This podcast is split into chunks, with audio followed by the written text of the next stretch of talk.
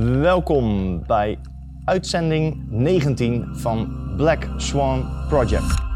En een bijzonder welkom naar de mensen die vandaag voor de allereerste keer luisteren of live op dit moment meekijken.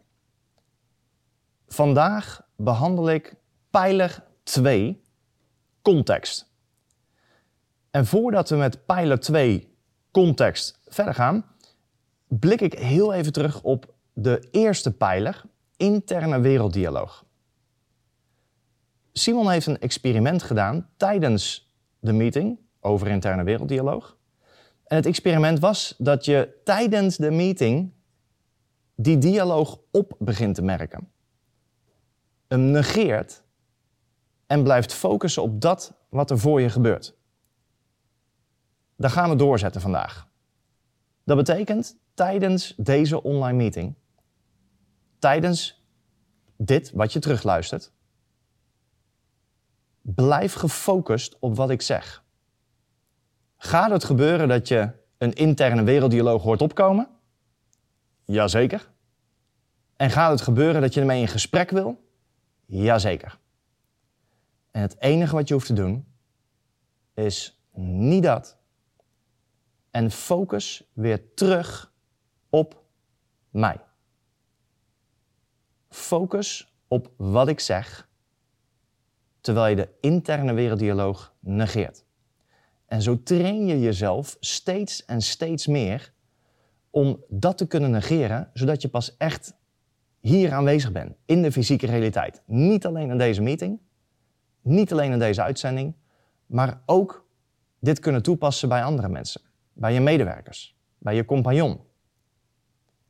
In andere gesprekken die je hebt, ook privé, je partner, je kinderen, je ouders wellicht. Dus train vandaag wederom, en ook de volgende afleveringen, train het negeren van je interne werelddialoog. En dat laat mij doorpakken naar context. Nu, laat me context even heel duidelijk voor je uiteen gaan zetten. Um, context is eigenlijk een automatische set van aannames. Oftewel, je brein creëert allemaal aannames en ziet die aannames als de waarheid. Dus voor jou is het heel logisch dat de wereld eruit ziet zoals jij hem ziet. Het is jouw context. Hoe jij naar de wereld kijkt. Iemand anders kijkt naar diezelfde wereld, maar kijkt op een andere manier en ziet letterlijk de wereld op een andere manier. Dus hoe jij de wereld ziet, heb je gecreëerd. Het is niet de realiteit, niet de waarheid. Het is jouw waarheid. Nu, belangrijk om te pakken is dit. Dit is niet goed of fout. Dit is niet slecht of fantastisch. Dit is wat het is. Jij kijkt naar de wereld vanuit jouw context. Wat ik al zeg, het is niet goed of fout, maar het heeft wel consequenties laat ik wat dieper ingaan op context, zodat je in de loop van, de, uh, van dit half uur steeds meer meekrijgt waar dit om draait. Probeer het niet al te begrijpen, maar ga along the way, ga met me mee in alles wat ik doorneem. En als die stem opkomt en die wil het uitvogelen hoe het werkt, en die wil snappen hoe het precies in elkaar zit, niet dat. En focus gewoon op wat ik zeg. Een aantal jaar geleden, we hebben inmiddels onze tuin compleet verbouwd, maar een aantal jaar geleden hadden wij een wilgeboom in de tuin staan. En een wilgeboom heeft zon nodig, water nodig en dan groeit hij goed. Nou, dat had hij allemaal bij ons in de tuin. Hij stond aan het water, had regelmatig zon, dus de boom groeide goed. Nu, stel je voor, je trekt die boom uit de grond en je plaatst hem in de Sahara dan sterft hij. De context is bepalend voor het resultaat van de boom of die goed groeit of dat die sterft. Laat ik nog iets dieper gaan hierin. Ehm, stel je voor, we hebben een aquarium. En het aquarium ziet er als volgt uit. We hebben de glazen wanden. Glazen wanden. En in het aquarium, in de glazen wanden, zit water, vissen, plantjes, nu, als de glazen wanden, je zou kunnen zeggen de context van het aquarium, als die zwak zijn en er zit een scheur in, dan zijpelt alles wat in die context zit, alles wat in die glazen wanden zit, zijpelt eruit. Hoe zwakker de context is, hoe minder goed alles wat erin zit, je zou kunnen zeggen de content, hoe minder goed dat blijft hangen, hoe minder goed dat blijft zitten. Context is bepalend en hoe krachtiger je context, hoe meer je erin kwijt kan. En om daar nog iets meer power aan te geven, neem ik nog één voorbeeld verder mee. Blijf erbij. Um, achter ons hebben ze een paar jaar geleden een huis gebouwd. Nu, dat huis, dat staat, is een vrijstaand huis, grote tuin, een apart gebouw erbij. En dat huis, toen ze dat aan het bouwen waren, zag je dat er een heel groot fundament werd gebouwd. Onder dat huis. Er werden heipalen de grond ingeslagen, beton. Het werd zo gemaakt dat er een goede fundering was. Die fundering was nodig om de kracht van het huis vast te kunnen houden. Nu hetzelfde als bij het aquarium. Je kan het huis vol stoppen met prachtige spullen, mooie schilderijen, mooie interieurdingen, prachtige badkamer. Maar als de fundering niet sterk is, dan stort het huis in elkaar en dan doet het er niet meer toe wat de content is. Dan gaan we een klein stapje verder. Namelijk, ik kom, in de buurt, ik kom uit de buurt van Eindhoven. En een paar maanden geleden waren ze daar uh, aan het bouwen. Ook aan het bouwen. Alleen, dit was geen huis. Dit was een klein appartementencomplex van een paar verdiepingen hoog. En als je keek naar de fundering, het fundament van dat appartementencomplex, dat was weer een stuk groter dan het huis wat achter ons gebouwd werd. Dat is ook logisch, want het gebouw wat erop moet staan is veel groter. Dus de context van het gebouw, de, de fundering, het fundament, moet ook krachtiger zijn. Nu, in november, afgelopen november zaten wij in San Francisco en daar waren ze ook aan het bouwen. Maar daar waren ze een veel groter gebouw aan het bouwen. Namelijk, dat was een echte wolkenkrabber. Ik weet niet wat de definitie is en hoeveel verdiepingen dat ze moeten hebben, maar ik denk dat het zo'n 30 verdiepingen had. Als je kijkt naar de fundering die daar gelegd wordt om zo'n gebouw neer te kunnen zetten, dat is bijzonder. Dat is heel groot, heel sterk, overal beton en ze zijn er ook heel lang mee bezig om dat neer te kunnen zetten. En dan wordt het gebouw pas erop gezet. Nu, dat huis wat achter ons staat, met een kleinere fundering dan de wolkenkrabber, heeft ook niet die grote fundering nodig. Maar andersom zou een probleem zijn. Zouden we het fundament, wat ligt onder het huis, nu onder de wolkenkrabber plaatsen, dan hebben we een probleem, dan stort de wolkenkrabber waarschijnlijk in. Hoogstwaarschijnlijk. Nu, gebouwen hebben één ding, namelijk ze staan er en meestal wordt er van een huis niet een wolkenkrabber gebouwd. Dus de fundering die er ligt is meestal wel goed. Bij mensen en bedrijven is dat anders. Bij een bedrijf is er een krachtig fundament nodig. Bij een leider is een krachtig fundament nodig.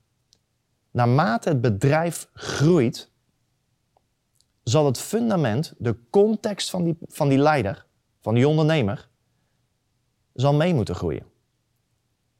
Sterker nog, de context zal voorop moeten lopen, zodat het gebouw automatisch gebouwd wordt. Het is logisch. Naarmate de context sterker wordt, krachtiger wordt, is het logisch dat daar een sterk gebouw op gebouwd kan worden. En daar is de context alles bepalend. Want hoe je kijkt naar de wereld bepaalt hoe je loopt, hoe je zit, hoe je kijkt, hoe je eet, hoe je alle acties uitvoert die je doet, hoe je sales bedrijft. Hoe je naar je bedrijf kijkt. Hoe je met je medewerkers omgaat. En we hebben allemaal een context over verschillende zaken. Je zou kunnen zeggen, er is een context als het gaat om religie. Er is een context als het gaat om sales. Uh, er is een context als het gaat om kinderen. Sommige mensen vinden kinderen fantastisch, sommige mensen moeten niks van kinderen hebben. Dus we creëren overal een context omheen, vaak gebaseerd op wat we hebben meegemaakt. Hoe is een opgevoed? En die context bepaalt de uitkomst in je leven. En als je wil weten wat je context is, dan wil je heel goed kijken naar je leven op dit moment. Je hebt een bepaald leven gecreëerd. Je zou kunnen zeggen je punt A. En die is gebaseerd op de context waar jij vandaan komt. Op de context hoe jij kijkt naar de wereld. Je zou kunnen zeggen er is een fysieke context en een mentale context. Bijvoorbeeld. In de fysieke context zou het zijn, je plaatst iemand in een situatie en die situatie is daar de context. Ze zeggen wel eens: laat me je vrienden zien en ik laat je je toekomst zien. Dus niet voor, niet voor iedereen een hele leuke uitspraak om te krijgen of om te horen. Want vaak als ik dit benoem, zie ik mensen nog wel eens pijnlijk in hun hoofd schieten en denken: Oh, de mensen waar ik het meest mee omga, mijn vrienden, mijn netwerk, ja, dat is eigenlijk helemaal niet zo krachtig. Ik weet nog wel dat toen ik, uh, ik denk dat ik 22 jaar was. En ik wilde altijd al een business. En er was iemand die dat tegen mij zei. Die zei, Reinhard, je wil één ding snappen. Je wil altijd blijven leren en ontwikkelen. En je wil één ding heel goed snappen en dat is dit. Als jij de slimste in de kamer bent, dan zit je in de verkeerde kamer. En dat is iets wat ik altijd heb meegenomen. Wat ik altijd heb beseft is, je wil je altijd omringen, je wil een context creëren, je zou kunnen zeggen een fysieke context creëren, om je heen, die jou altijd helpt om naar het volgende level te komen. Nu waar ik vooral met je naar wil kijken, is je mentale context. Oftewel de manier waarop jij kijkt naar zaken. De manier hoe je kijkt naar de wereld. Laat ik je een voorbeeld geven. Ehm, een lid waar ik mee werk, uit een van onze lidmaatschappen, de Leadership Experience. Dat is iemand die kwam bij mij binnen met de vraag: Reinoud, het leven is eruit. Ik ben ingekakt. En ik wil weer terug in het leven staan. Ik wil weer iets doen. En ik merk nu, ik ga gewoon door de beweging heen. Laat ik hem even Herman noemen. Dus ik heb een gesprek met Herman in het begin, toen hij bij me kwam. En wij beginnen verder te spreken over een aantal zaken. En ik kom erachter dat hij een bepaalde context voor zichzelf gecreëerd had. Een context waardoor hij nu stond waar hij nu stond. En dit is een goed lopend bedrijf. Dat was het probleem niet. Het liep stap voor stap op. Alleen de ondernemer, Herman, was ingekakt. En dit was uiteindelijk waar hij mee kwam. Hij zegt, Reinhard, hoe ik ben opgevoed is, is als volgt. Spreuken als, doe maar normaal, dan doe je al gek genoeg. Dat was, ja, hoe zeggen ze dat? Schering en inslag. Dat gebeurde elke dag. Doe maar normaal, dan doe je al gek genoeg. En daar kwamen dingen bij als, van een dubbeltje maak je nooit een kwartje. Dat is een uitspraak in Nederland. Ik weet niet wat het in België is. Maar dat was hoe hij was opgevoed. Een heel behouden context, fysiek, maar ook continu mentaal gevoed, waarvanuit hij nu leefde en waarvanuit hij elke actie nam. Dus waar we in het begin aan hebben gewerkt, is een nieuwe context creëren. Je, je zou bijna kunnen zeggen, de context doe maar normaal, dan doe je al gek genoeg, werd vervangen door doe maar gek, dan ben je al normaal genoeg. En zo is hij gaan bouwen. En het belangrijkste wat daar gekomen is, is een context van een leider. Een context van een leider die bezig is met groei en expansie. En zijn interne werelddialoog kwam 100% zeker op op het moment dat hij ging groeien en andere keuzes ging maken. Maar wat hij opmerkte was dat hij weer leven terugkreeg. Het was spannend. Het was soms stressvol. Maar hij leefde weer. Hij deed weer iets in zijn leven. En hij begon te ontwikkelen. Nu, inmiddels zijn we een aantal vestigingen verder, bezig weer met de volgende. En in de aankomende jaren gaat hij nog een aantal vestigingen erbij openen. En hij begint het spel te ervaren. Het wordt leuk. Het is niet altijd leuk, maar allesomvattend begint het het spel weer te worden. Er zit weer leven in. En heel eerlijk, dat is voor heel veel ondernemers waar we werken heel belangrijk. Uh, buiten dat, dat er meer geld gecreëerd wordt, wat een heel logisch iets is. Een krachtige context is in staat om meer te kunnen creëren, op welk vlak dan ook.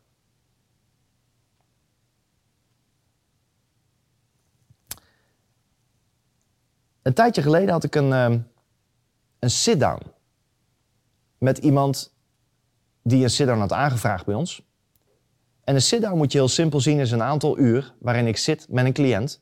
Een van onze coaches zit met een cliënt. En we doorlopen de dingen die nodig zijn om na zo'n sit-down heel duidelijk de acties helder te hebben en de stappen helder te hebben en wie de persoon moet zijn die die acties kan uitvoeren zodat hij van daaruit kan gaan creëren. En dit was heel leuk, want ik had het gesprek met iemand die eigenlijk al startte met het volgende. Reinoud, ik wil dat jij ding snapt. We gaan over een aantal dingen spreken, maar geld is voor mij niet belangrijk. En ik weet dat je veel spreekt over geld, en dat is voor mij niet belangrijk. Geld is voor mij niet belangrijk. Het gaat mij niet om het geld. In eerste instantie, als iemand dat zegt, dan gaan bij mij al wat alarmbellen af. Maar die negeer ik. En ik focus me gewoon op het gesprek. En in het gesprek komen een aantal keer komt deze tekst naar voren. Reinoud, ik wil dat jij niet snapt. Het gaat me niet om het geld. En dan moet je weten, deze persoon deed een paar miljoen aan omzet. Maar er was weinig winst. Hij hield er weinig aan over. Maar telkens als ik daarover begon, was het, ja, maar dat maakt me ook niet uit. Dat was de hele context omheen gecreëerd. Die context kwam vanuit het verleden, waarin hij een aantal dingen had meegemaakt, wat allemaal draaide om geld. Dus hij had verhalen gecreëerd omtrent geld. Dus wat we hebben gedaan, we hebben doorgesproken. En uiteindelijk stelde ik hem de volgende vraag. Ik zeg, laat ik hem even Fred noemen. Ik zeg, Fred, stel dat jij al het geld van de wereld hebt. En dat doet er niet meer toe. En ik weet, geld maakt niet uit voor je, maar stel dat dat het verhaal is. Wat zou dan hetgeen zijn wat je echt zou willen doen? En toen zag ik hem al een beetje opfleuren. Ik zag zo'n uh, lach op zijn gezicht komen. Hij zegt, Reinoud, waar ik altijd al van heb gedroomd, is een project op te zetten in Afrika. En het had te maken met een school opzetten en een aantal zaken daaromheen. Hij zegt, dat is iets waar ik altijd al van heb gedroomd. Ik zeg, oh, oké. Is dat iets wat een droom moet blijven of is dat iets waar we een project van kunnen maken? Hij zegt, oh, dat zou echt fantastisch zijn als ik met mijn bedrijf dat voor kan zetten. En ik zie hem al een beetje glinsteren in zijn ogen. En ik vraag aan hem, ik zeg, Fred, was daarvoor nodig? Dus begon hij te lachen. Je ziet als mensen een kwartje valt of een frank valt. Hij zegt, ja, geld. Daar is geld voor nodig. Ik zeg, hoeveel geld is hiervoor nodig? Nou, dan vond hij een moeilijke vraag en hij kwam daar uiteindelijk op neer om alles te kunnen doen wat hij zou willen doen. Zou het minimaal 1 miljoen euro zijn wat hij moest meenemen om een start te maken. Laat staan dat verder uit te bouwen. Vanaf dat moment heeft hij besloten geld het allerbelangrijkste te maken. En daarin begon hij in één keer mogelijkheden te zien. En is hij gaan creëren en gaan bouwen. Sterker nog, hij heeft zichzelf een hogere management fee uh, laten uitbetalen. Waarom? Omdat hij begon te beseffen dat hij een bepaald leven moest leiden om dat tot stand te blijven laten komen. Om die context steeds meer te gaan leven. Waardoor hij meer kon creëren, meer winst ging genereren. Waardoor hij één kon gaan sparen en twee, wat hij ook altijd al had willen doen, was veel meer geld doneren aan goede doelen. En wat hij tegen me zei was op een gegeven moment, Reinoud, ik was bijzonder egoïstisch. Want ik heb een business, ik ben in staat om geld te creëren. Maar ik ben ook bijzonder egoïstisch geweest. Want ik heb alleen gekeken naar mijn eigen wereld. Ik heb niet gekeken naar de wereld daarbuiten. En die ben ik nu in staat om te helpen. Dus het gaat me niet meer om het geld. Heeft hij geshift naar geld is ontzettend belangrijk. Context is alles bepalend in je leven. Nogmaals, context bepaalt je acties. En je acties bepalen je resultaat. Je zou kunnen zeggen, er is een zwakke context of een krachtige context. Nogmaals, niet goed of fout, maar zwak of krachtig. En een zwakke context heeft andere consequenties dan een krachtige context. En in het geval van het eerste voorbeeld van Herman, is de context te zwak geweest om zijn bedrijf verder uit te bouwen en echt weer in leven te zijn. En toen hij een nieuwe krachtige context creëerde, kon hij weer bouwen, kon hij andere keuzes maken. En merkte hij dat de context bepalend was voor zijn resultaat. Goed, ik wil je meenemen naar een, uh, een document op thrive.eu. Je hoeft er nu niet bij te pakken. Uh, afgelopen uitzending over interne werelddialoog is er ook over dit document gesproken. Um, en ik wil dat je het volgende pakt. Namelijk hoe je zo'n document leest. De context waar je vandaan komt als je zo'n document leest, is bepalend voor wat je eruit kan halen.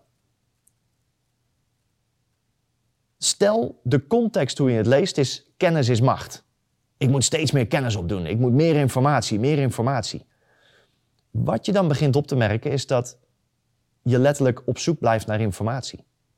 En zodra je iets hoort wat je al een keer gehoord hebt, denk je waarschijnlijk bij jezelf: dit ken ik al. Ja, dat heb ik al eens eerder gehoord. En je focust je niet meer erop, maar je focust je op andere zaken. Sterker nog, het kan zelfs zijn dat je denkt: dit doe ik al. Waardoor je je focust op de dingen die je wel doet, in plaats van waar je nog correcties op aan te brengen. Ik ga een stuk van het artikel door met je nemen, met je doornemen. Ehm, en kijk eens vanuit welke context je daar kan komen als ik dit voorlees. Het is een document dat heet 13 tools die succesvolle ondernemers gebruiken om krachtige resultaten te behalen. Dit is punt 4 wat ik met je doorneem. Weiger jezelf als slachtoffer te creëren. Wat je ook wordt aangedaan of over je wordt gezegd. Natuurlijk is het mogelijk dat iemand slachtoffer wordt van omstandigheden of personen. Jezelf tot slachtoffer verklaren is echter geheel jouw keuze. De positie van slachtoffer is volledig zelf gecreëerd. En vanuit deze positie is het onmogelijk, onmogelijk, om iets voor elkaar te krijgen dat de moeite waard is. Als je iets wordt aangedaan door een omstandigheid, een situatie of een persoon, heb je dus zelf de mogelijkheid om jezelf te shiften van het zijn van het slachtoffer naar iemand die slachtoffer is van de situatie, maar niet zichzelf creëert als slachtoffer. In het Engels zeggen ze heel mooi: being a victim versus being victimized. Jezelf als slachtoffer creëren is een wezenlijk verschil met het zijn van een slachtoffer van een situatie. Wat je naar die situatie doet en hoe je de context creëert voor jezelf, is wederom bepalend voor je toekomst. Is bepalend voor de acties die je neemt. Denk aan een groep mensen die continu aan het klagen zijn. over wat ze overkomt, over de situatie waar ze in zitten, over het weer van mij apart. Naarmate dat de conversatie is waar je continu in zit, kan het zelfs je context worden. Maar zolang jouw context krachtig genoeg is, kun je elke situatie aan en kun je overal doorheen vanuit die krachtige context.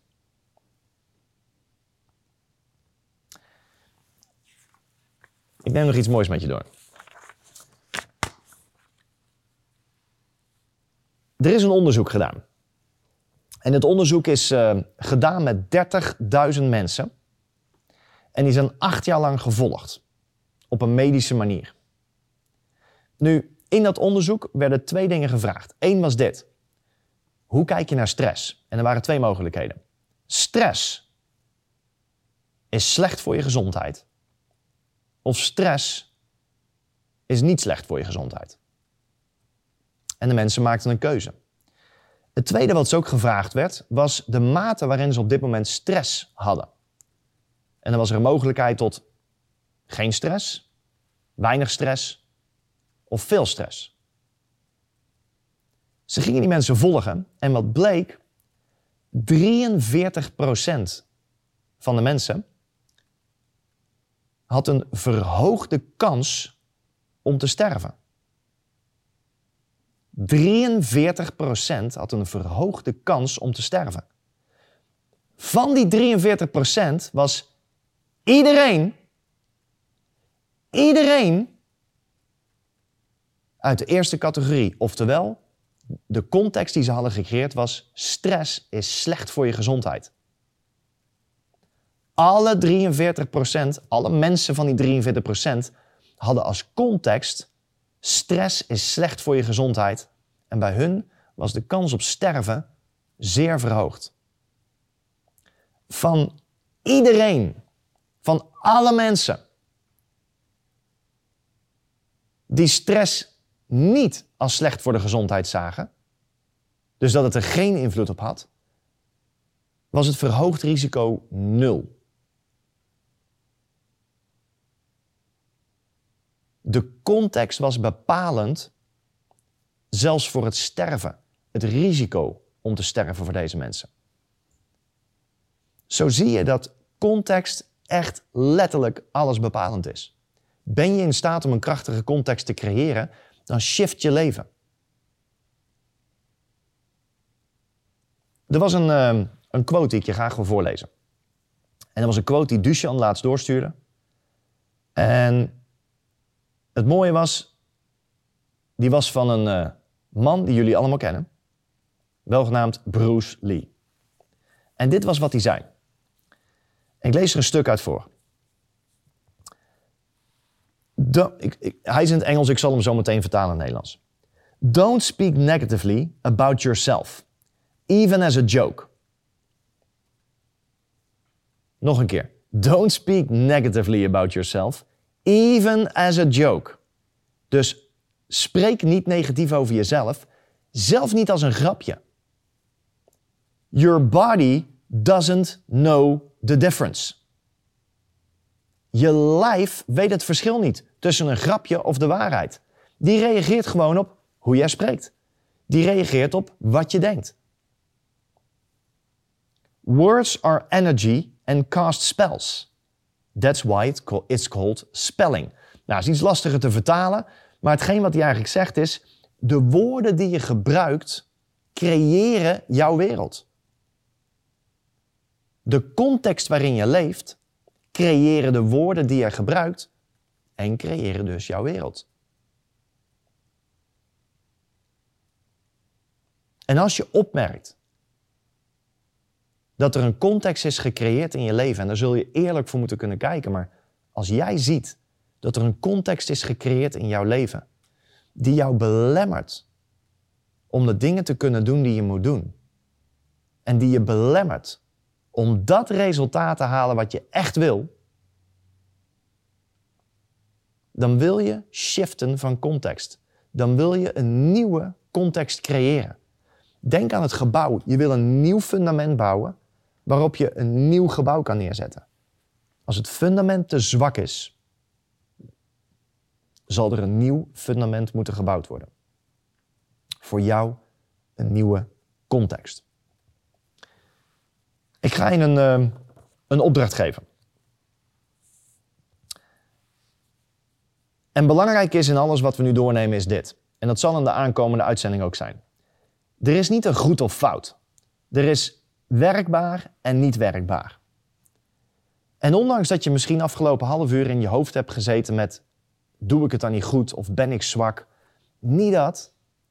Focus op wat er voor je ligt. Focus op mij in dit geval. En ga eens gewoon openstaan voor de mogelijkheid. Dat de wereld zoals, jou, zoals jij hem ziet, niet de echte wereld is. Dat jouw waarheid ook letterlijk jouw waarheid is, maar niet de waarheid. En als je daarvoor gaat openstaan, creëer je in één keer veel meer ruimte voor veel meer mogelijkheden en veel meer groei. Dit is de opdracht die ik je ga meegeven. En doe dit bewust. Pak pen en papier van de week en schrijf dit op. Waar zie je dat je een context hebt gecreëerd die je belemmert om te krijgen wat je wil? En wat is die context? Dus nog één keer, waar zie je dat je een context hebt gecreëerd die je belemmert om te krijgen wat je wil? En wat is die context?